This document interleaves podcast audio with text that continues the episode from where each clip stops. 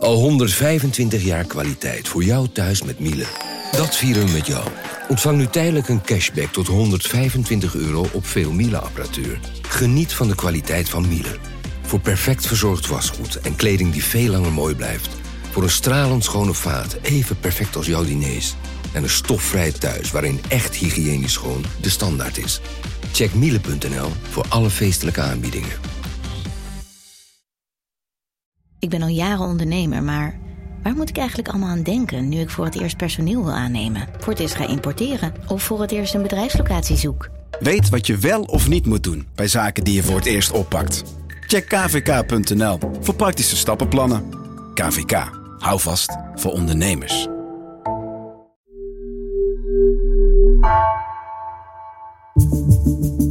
Vanaf de redactie van NRC het verhaal van vandaag. Mijn naam is Floor Boon.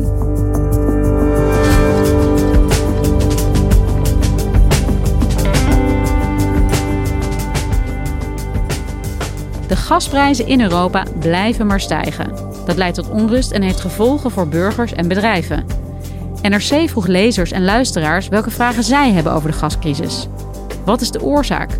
Welke rol speelt Groningen? En hoe zit het met de energietransitie? Erik van der Wallen schuift aan om alle vragen te beantwoorden.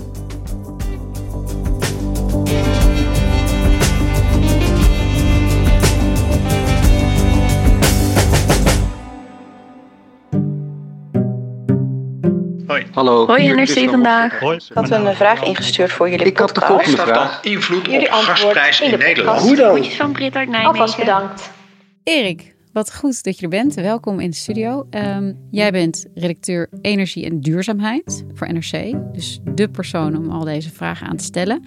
Er kwamen maar liefst 40 vragen binnen. Die gaan we niet allemaal aan je voorleggen, maar de belangrijkste eh, krijg jij hier eh, te horen en dan hopen we op mooie antwoorden. Om te beginnen met een vraag van Marina. Mijn naam is Marina Sawaya en ik ben een trouwe luisteraar voor jullie podcast NRC Vandaag. En ik heb een vraag over de gascrisis. Wat is de oorzaak van deze crisis? Ja, dat is inderdaad een hele goede vraag. En ik denk ook heel nuttig als aftrap. Dat heeft met de vraag te maken en dat heeft met de aanbod te maken. Eh, waarom stijgt de vraag? Nou, onder meer omdat we natuurlijk een coronacrisis achter de rug hebben. En je ziet dat alle eh, economieën zich eigenlijk eh, sneller herstellen dan verwacht. En eh, als er veel vraag is bij een economie, is er ook veel vraag naar fossiele energie. Dus ook naar gas. En in China zie je bijvoorbeeld dat ze daar enorm kampen met, ehm, met luchtverontreiniging. En ook nog een conflict hebben met Australië, van waar zij de kolen betrekken. Dus je ziet dat daar dus ook meer eh, gas naartoe gaat. En het aanbod zie je dus tegelijkertijd ook wat lager worden. Je ziet dat bijvoorbeeld Groningen de productie veel lager is geworden. Dat heeft met de aardbevingsproblematiek te maken. En Groningen speelde best een grote rol in Noordwest-Europa. En eh, bijvoorbeeld Noorwegen heeft geen mogelijkheden om de productie erg uit te breiden, omdat die gewoon technisch aan hun max zitten. En je ziet eh, dat Rusland, het Russische bedrijf Gazprom, eh, keurig voldoet aan de contracten, eh, maar ook niet veel meer doet dan dat. Waardoor dus ehm, het aanbod niet zo snel stijgt als de vraag. En het gevolg is dat ehm, eh, de prijs omhoog schiet. Dan krijg je meteen de, het vraagstuk van Rusland. En eh, Tristan Mostert heeft daar ook een vraag over. Hallo, hier Tristan Mostert uit Amsterdam. Hoe komt het nou eigenlijk dat die gasprijs zo waanzinnig door het plafond gaat? Er wordt eh, bijvoorbeeld wel eh, in de pers uitgelegd dat het niet zozeer ligt aan iets dat Rusland doet. Dat het deels komt doordat we een iets langere en strengere winter hadden. Maar dat daardoor begrijp ik nog steeds niet hoe het kan dat die echt meermaals over de kop gaat eh, momenteel. Waardoor die extreme prijsstijging eh, wordt veroorzaakt. Je merkt wel dat er heel veel factoren zijn. Eh, als er natuurlijk handelaren zijn die verwachten dat die prijs nog verder gaat stijgen, gaan die daar misschien ook mee spelen. Dus dat zorgt voor extra prijsopdrijving. Maar helemaal waar, die, die, die rol van Gazprom, het is eigenlijk altijd eh, al, al langer eh, een doorn in het oog van de Russen dat Europa, hè, die nou voor eh, toch wel meer dan 35% afhankelijk is van het Russische gas. Dan hebben we het over Europa, niet Nederland. Eh, dan is het een doorn in het oog van de Russen dat wij relatief weinig lange termijn contracten sluiten omdat die prijs voor aardgas de afgelopen tijd, want dit is een vrij nieuw iets, was ontzettend laag. Dus ja, iedereen dacht, nou, dat is prima. We bestellen wel extra als het nodig is. Een leverancier wil natuurlijk liever zekerheid. En je ziet nu dat die Russen denken, nou, jullie wilden geen lange termijn contracten. Uh, als je wat extra nodig hebt, dan koop je dat maar op de spotmarkt, zoals dat heet. Dus de, de, eigenlijk de markt waar tijdelijke uh, aanbod en uh, tekorten worden verhandeld. Er zitten natuurlijk allerlei ook politieke argumenten bij. Ze hebben een nieuwe pijpleiding, de Nord Stream 2, die van Rusland naar Duitsland loopt. En ze zeggen van, als het nodig is, kunnen we zo via die Nord Stream 2 leveren. Het probleem is dat nog niet alle vergunningen, met name uit Duitsland, beschikbaar zijn. Dus die uh, Gazprom slash uh, Rusland gebruikt het natuurlijk ook als drukmiddel om eerder via die pijplijn te mogen vervoeren. Speelt Rusland dan ook echt hiermee een steekspel? Ja, maar uh, er, wordt, er wordt natuurlijk heel snel uh, wordt dat verwijtend gezegd. Um, alleen energie is natuurlijk al jaren een heel belangrijk uh, politiek middel. Ik bedoel, kijk hoe de OPEC handelt. die, die bepalen op maandbasis, bij wijze van spreken, hoe groot de productie moet zijn om een zo hoog mogelijke prijs te halen. Ja, en dat, dat in Rusland zitten ze ook te tellen. Ja, want als we het dan hebben over die gasprijs, wie bepaalt eigenlijk hoe hoog die is? Hoe komt dat tot stand? Dat is een hele goede vraag, maar die, die komt gewoon tot stand op de markt. De energiemarkt is een vrije markt. Dus in die zin is het ook niet zo dat je met één druk op de knop uh, zomaar uh, ervoor kan zorgen dat de prijs omhoog gaat of omlaag gaat. Net als bij elke markt is er een complex van factoren dat een, een stuwende of een drukkende rol heeft.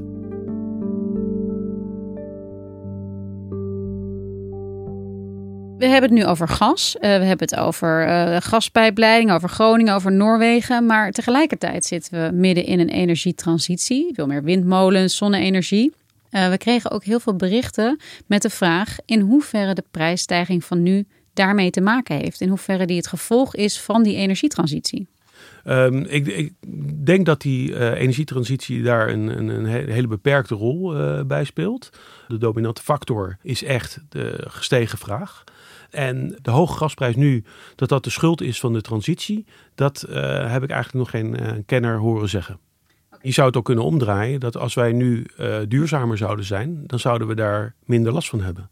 Minder last van die hoge prijzen. Precies. De mensen die uh, bijvoorbeeld um, een, uh, die, die een alternatieve verwarming hebben, bijvoorbeeld via stroom en een deel van die stroom zelf opwekken, daarvan zie je dat die ja, daar eigenlijk bijzonder weinig problemen mee hebben.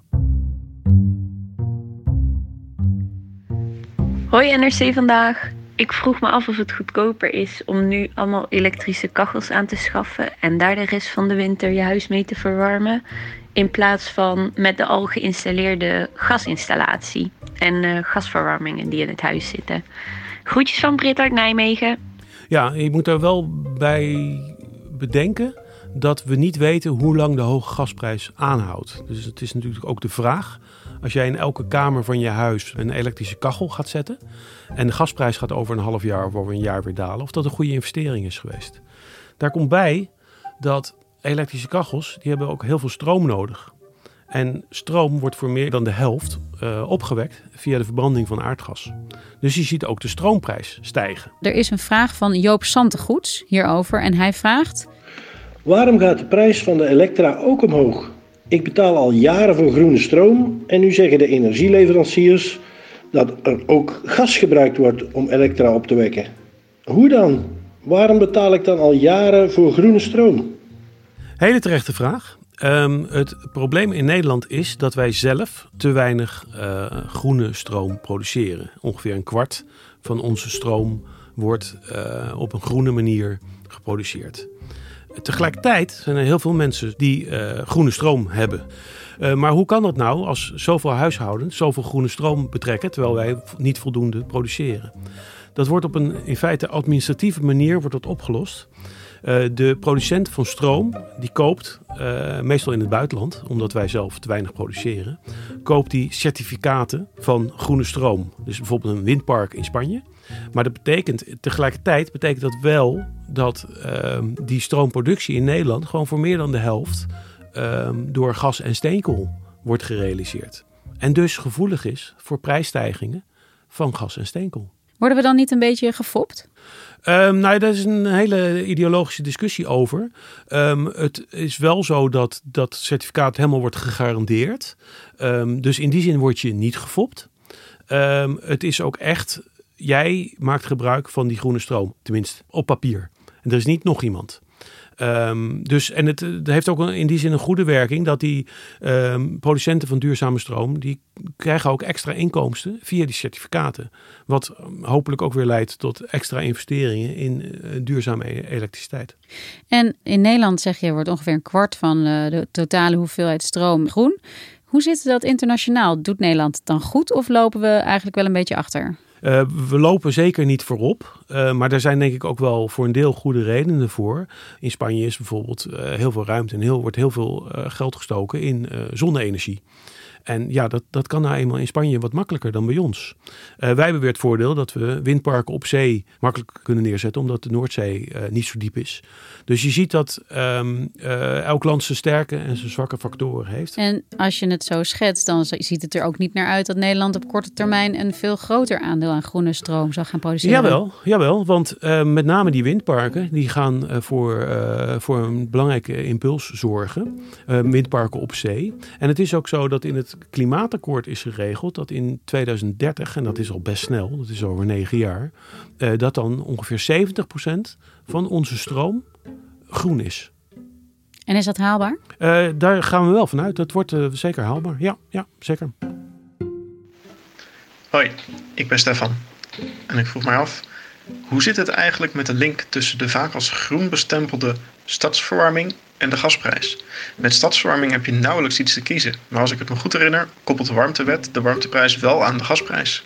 Ja, want wat is stadswarmte precies? Uh, stadswarmte is um, dat je via een warmtenet um, uh, collectief warmte krijgt. En dat betekent dus dat jij um, niet een eigen gijzer hebt, niet een eigen warmtebron, maar dat je gewoon het warme water en ook tapwater, uh, dat dat centraal komt.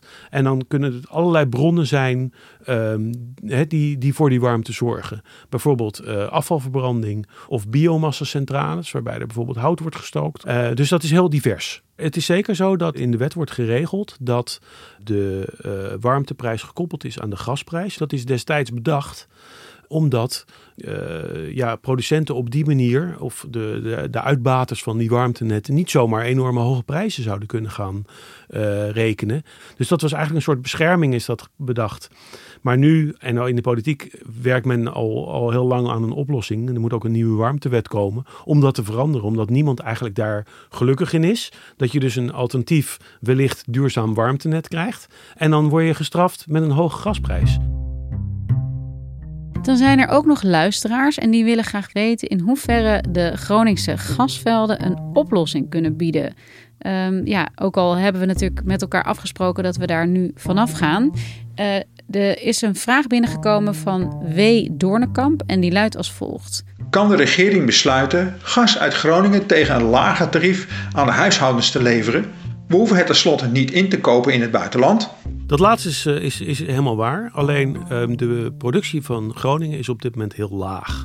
Die is voor dit jaar dus ongeveer op 3,9 uh, miljard kubieke meter gas. En dat is een gevolg van de, de aardbevingen. Aardbeving, precies. En de regering heeft op zijn knieën beloofd dat uh, we dat ook niet uh, heel erg gaan opvoeren. het mag alleen iets worden opgevoerd. Van 3,9 naar 7,5 miljard als het een extreme winter is. Maar dat is heel onwaarschijnlijk. Daar komt bij dat we in Nederland uh, helemaal geen traditie hebben dat wij ons eigen gas goedkoop aan de burger verstrekken. Dat hebben we nooit gedaan. Dus um, we hebben als um, gasproducent altijd heel veel geld verdiend. 70 tot 90 procent van de prijs kwam in de schatkist. Maar die werd wel gewoon betaald door de burger. Door de Duitse burger, maar ook door de Nederlandse burger. Ja, want is Nederland nou bij uitstek een land dat heel veel gas verbruikt? Of gebruiken eigenlijk alle landen zoveel gas? Nederland is bij uitstek een land dat heel veel gas gebruikt. En dat komt omdat wij ontzettend verwend zijn met Groningen. Um, dus bij ons is het volstrekt normaal dat 95% van de huizen op uh, gas zijn aangesloten. En dat is in de meeste andere landen is dat veel minder. Want de gasvraag in de Europese Unie is ongeveer 400 miljard. En wij gebruiken daar ongeveer 43, 44 miljard van. En dat is veel meer dan ons aandeel van de bevolking. Dus eigenlijk wordt Nederland in die zin ook extra hard getroffen door deze crisis? Uh, ja, zeker. Dat is, uh, dat is zo. Dan heb ik nog een vraag van Femke Rietbroek. Ik ben benieuwd of de Nederlandse overheid onze gasvoorraad gaat aanvullen door in Groningen of op de Waddenzee naar extra gas te boren. Er zijn inderdaad ook veel kleine velden in Nederland. Zo wordt dat genoemd. Je hebt Groningen en je hebt de kleine velden. Uh, dat is op land, dat is in de Noordzee, dat is ook uh, bij de Waddenzee in de buurt. Tenminste, mogelijk. Dat, daar is nu discussie over. Uh, het is niet zo dat die velden zo groot zijn en zoveel potentie hebben dat we zomaar even de productie daarvan kunnen verhogen.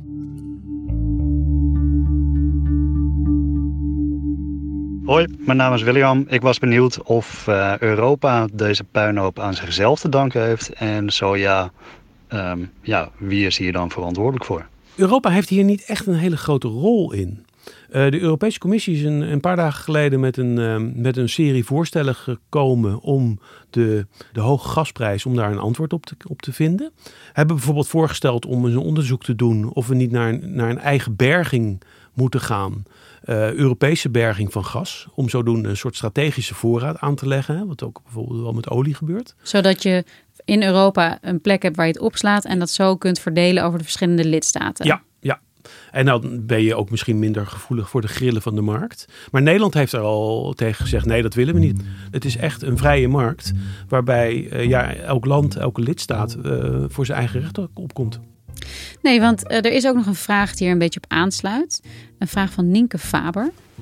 Hoi, mijn naam is Nienke Faber en mijn vraag is: wat betekent dit op de lange termijn, bijvoorbeeld over vijf of tien jaar? Werkt Nederland toe naar een energie-onafhankelijkheidsplan? Uh, nee, ik denk dat um, uh, de ontwikkeling zo is dat uh, we de elektriciteitsproductie steeds meer willen verduurzamen. En dat betekent dat um, we meer windmolens en, en, zonnepanelen en wat iets meer zou hebben. En daar heb je meer pieken en dalen in dan bij een, gascentrale. Daar kan je iets bij voorstellen. Hè, vanwege het weer, vanwege. Nou, um, en dat betekent dat je juist gebaat bent om veel meer bindingen, verbindingen te leggen met het buitenland, interconnectie. Uh, omdat de een kan wel op een gegeven moment windstroom over hebben, terwijl de ander tekort heeft. Dus het, het, het, zal niet zo snel gebeuren dat er een hek om Nederland wordt gezet, omdat het dan nog veel lastiger wordt om je productie te verduurzamen. Een vraag van George Weisier uit Wenen. Is niet de beste oplossing om over te gaan op kerncentrales, om zo de vraag naar gas in te kunnen dammen? Um, dat is natuurlijk een politiek heel gevoelig onderwerp. Dat is een hele leuke vraag. Um, uh, een snelle oplossing, daar kunnen we wel met z'n allen uh, over eens zijn. Een snelle oplossing is het in elk geval niet, omdat de bouw uh, en de vergunningen en wat iets meer zijn voor een kerncentrale, dat neemt zeker meer dan tien jaar in beslag. Dus met de huidige problematiek op de gasmarkt kunnen we daar niet direct iets mee hey, uh, dan krijg je natuurlijk ook nog de vraag of de stijging van de gasprijs nu misschien juist wel gunstig is voor de energietransitie. Nou, je ziet natuurlijk, dat zie je ook al aan die vele vragen die we krijgen, um, zie je dat mensen er wel bewust worden en dat, en dat geldt voor huishoudens, dat geldt zeker ook voor bedrijven, dat mensen toch denken, ja, we moeten eigenlijk minder afhankelijk worden van de grillen van die markt. En uh, bijvoorbeeld minder afhankelijk zijn van de uh, Saoedische olieproducent of de Russische gasproducent. En dat niet alleen. Je merkt natuurlijk dat um, het overgaan op alternatieven kost vaak geld. Uh, je kan je voorstellen dat groen gas, dat gemaakt wordt van rioolslip en van mest, dat dat duurder is dan dat het aardgas dat zomaar uit de grond komt. Um, maar omdat dat gas wat uit de grond komt nu zoveel duurder wordt, komt dat natuurlijk in de buurt van het groene alternatief. Als we het nou nog even hebben over oplossingen. Is er een oplossing voor deze crisis? Kunnen mensen ook zelf nog iets doen? Voor een deel uh, is het antwoord nee. Het heeft niet zo heel veel zin om uh, naar een andere elektriciteitsproducent uh, of gasbedrijf te gaan. Want die zal in, normaal gesproken ongeveer hetzelfde rekenen. wat natuurlijk altijd goed is, en dat is niet alleen goed voor je portemonnee, maar ook goed voor het klimaat. Is dat je bijvoorbeeld meer gaat investeren in, in isolatie bijvoorbeeld. En als je dan je consumptie van gas en elektriciteit stevig terug weet te dringen, dan is dat natuurlijk heel goed. Ik denk dat wij eh, de crisis wel doorkomen zo. In ieder geval met antwoorden op vragen van uh, ja, heel veel mensen. Dank ook aan alle luisteraars. En uh, veel dank aan jou, Erik. Alsjeblieft. Je luisterde naar vandaag, een podcast van NRC. Eén verhaal, elke dag. Deze aflevering werd gemaakt door Felicia Alberding, Stef Visjager en Bas van Winden. Dit was vandaag. Morgen weer.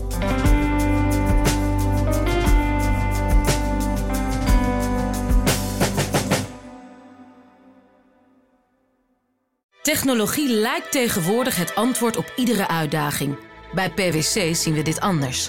Als we de potentie van technologie willen benutten, kunnen we niet zonder een menselijk perspectief. Human-led, tech-powered noemen we dat. Ga naar pwc.nl.